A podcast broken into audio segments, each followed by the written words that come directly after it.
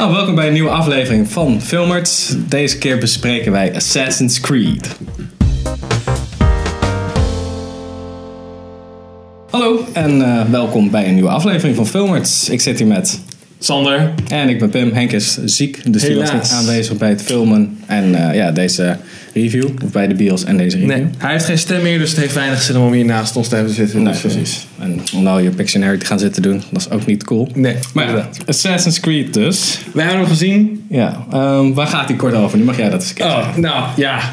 Eigenlijk is het een beetje gebaseerd losjes op het verhaal van Assassin's Creed 1. Ja, in principe wel. Eh, je, hebt, nee, je hebt de assassijnen. En, ja, ik ga het ook niet uitgebreid uitleggen. Je hebt de assassijnen en de hoe heet het? Tempeliers. De tempeliers. Je hebt natuurlijk al jaren oorlog met elkaar. We gaan allemaal geheime genootschappen, dit, dat.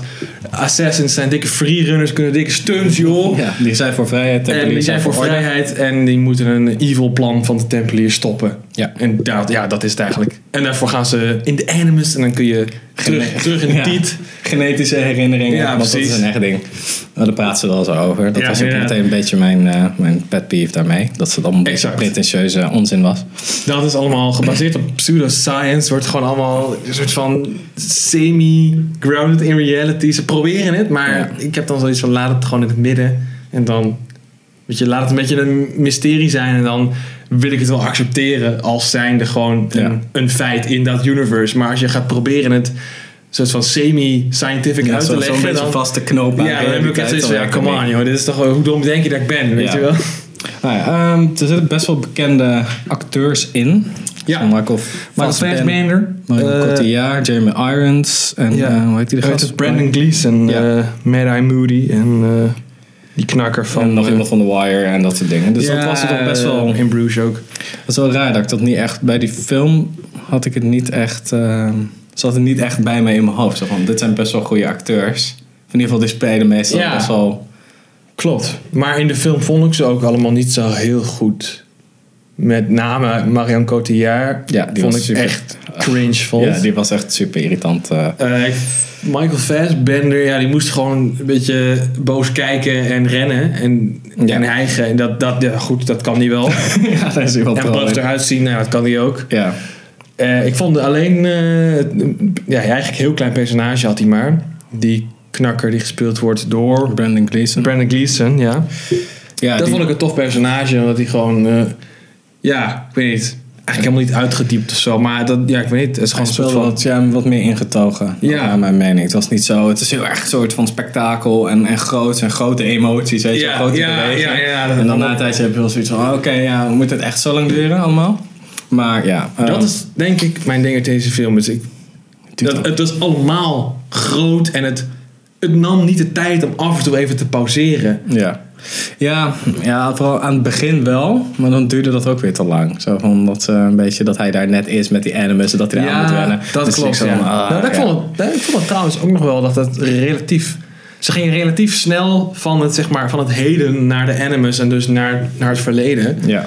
En dat vond ik eigenlijk wel jammer. Ik had liever gehad dat ze wat meer hadden opgebouwd en dan gewoon wat langer in het verleden waren gebleven. Want eigenlijk denk ik dat de goede 60% van de film zich gewoon in, in het heden afspeelt. Ja.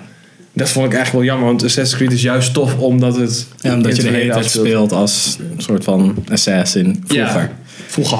Ja, ja voor vergelijkbare films, waar kunnen we het mee vergelijken? Ja, Prince Prince of of Ja, we Persia. zeiden bij de Ja. trailers, of bij de januari voorbeschouwing al van eh, Prince of Ja, nee, Persia. echt heel erg Prince of Persia vibe. Ehm, Een beetje Da Vinci Code-achtig als je ziet Ja, naar maar- bijbeldingen. ja, dat klopt. En ook wel een beetje de- de, de locatie, ook wel een klein beetje, Ja. naar mijn mening. Ehm dat speelt zich af, grotendeels in Andalusië. Eh, ja, Misschien ook vind ik nog wel wel leuk leuk om ze te zitten zeggen. daar in, Ja, ze zitten daar in Madrid en in het verleden is volgens mij Ja. Andalusië. of Misschien is het wel dezelfde plek, geen idee. Nee, het heden was volgens mij Madrid. In ieder geval in Ja. Spanje. in ieder Eh geval maakt verder wel. niks uit aan het verhaal, want iedereen spreekt gewoon Engels. Behalve in het verleden. Dat vond ik dan zo wel weer grappig. Ja, dat vond ik echt wel hele cool. grote stukken waren in het Spaans. Ja, Waarschijnlijk wel als je Spaans spreekt en je hoort Michael Fassbender dat praten, dan denk je echt, echt come on dude, had je niet een betere speechcoach ja, als, eh, als in kunnen niet-native huren? speaker en, eh, kon, ik- kon hij er wel mee Ja, wegkomen, hij kon vond er ik. wel mee wegkomen inderdaad. Ehm, ja, vind je hem aan te raden? Nou, zeker niet in de bioscoop. Ik zou hem lekker eh, thuis op Netflix of zo kijken. Dan is Ja. het misschien nog wel oké. maar ik vond, het, e- Ja. ik vond het te rommelig en te slordig en te slecht geacteerd. Om nou echt te zeggen van deze moet je in de bioscoop zien. Het spektakel was ook niet...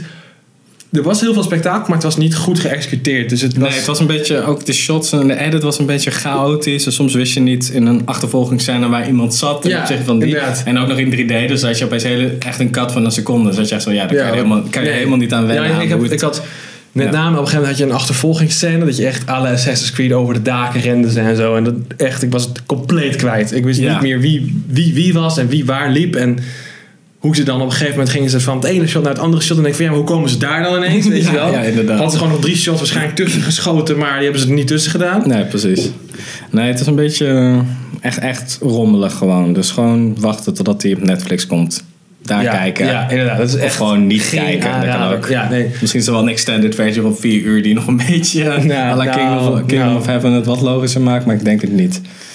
Dus ja, dat was eigenlijk onze korte review van Assassin's Creed. Ja. Dus eh, ja, hierna komt meteen, eh, kan je kijken naar de, ja, eh, De een soort van uitgebreide- spoiler, uitgebreide review. Als je hem nog niet hebt gezien, raden we dat natuurlijk af. En ja, like ons op alle social media. Like, subscribe. En Later. eh, tot de volgende keer.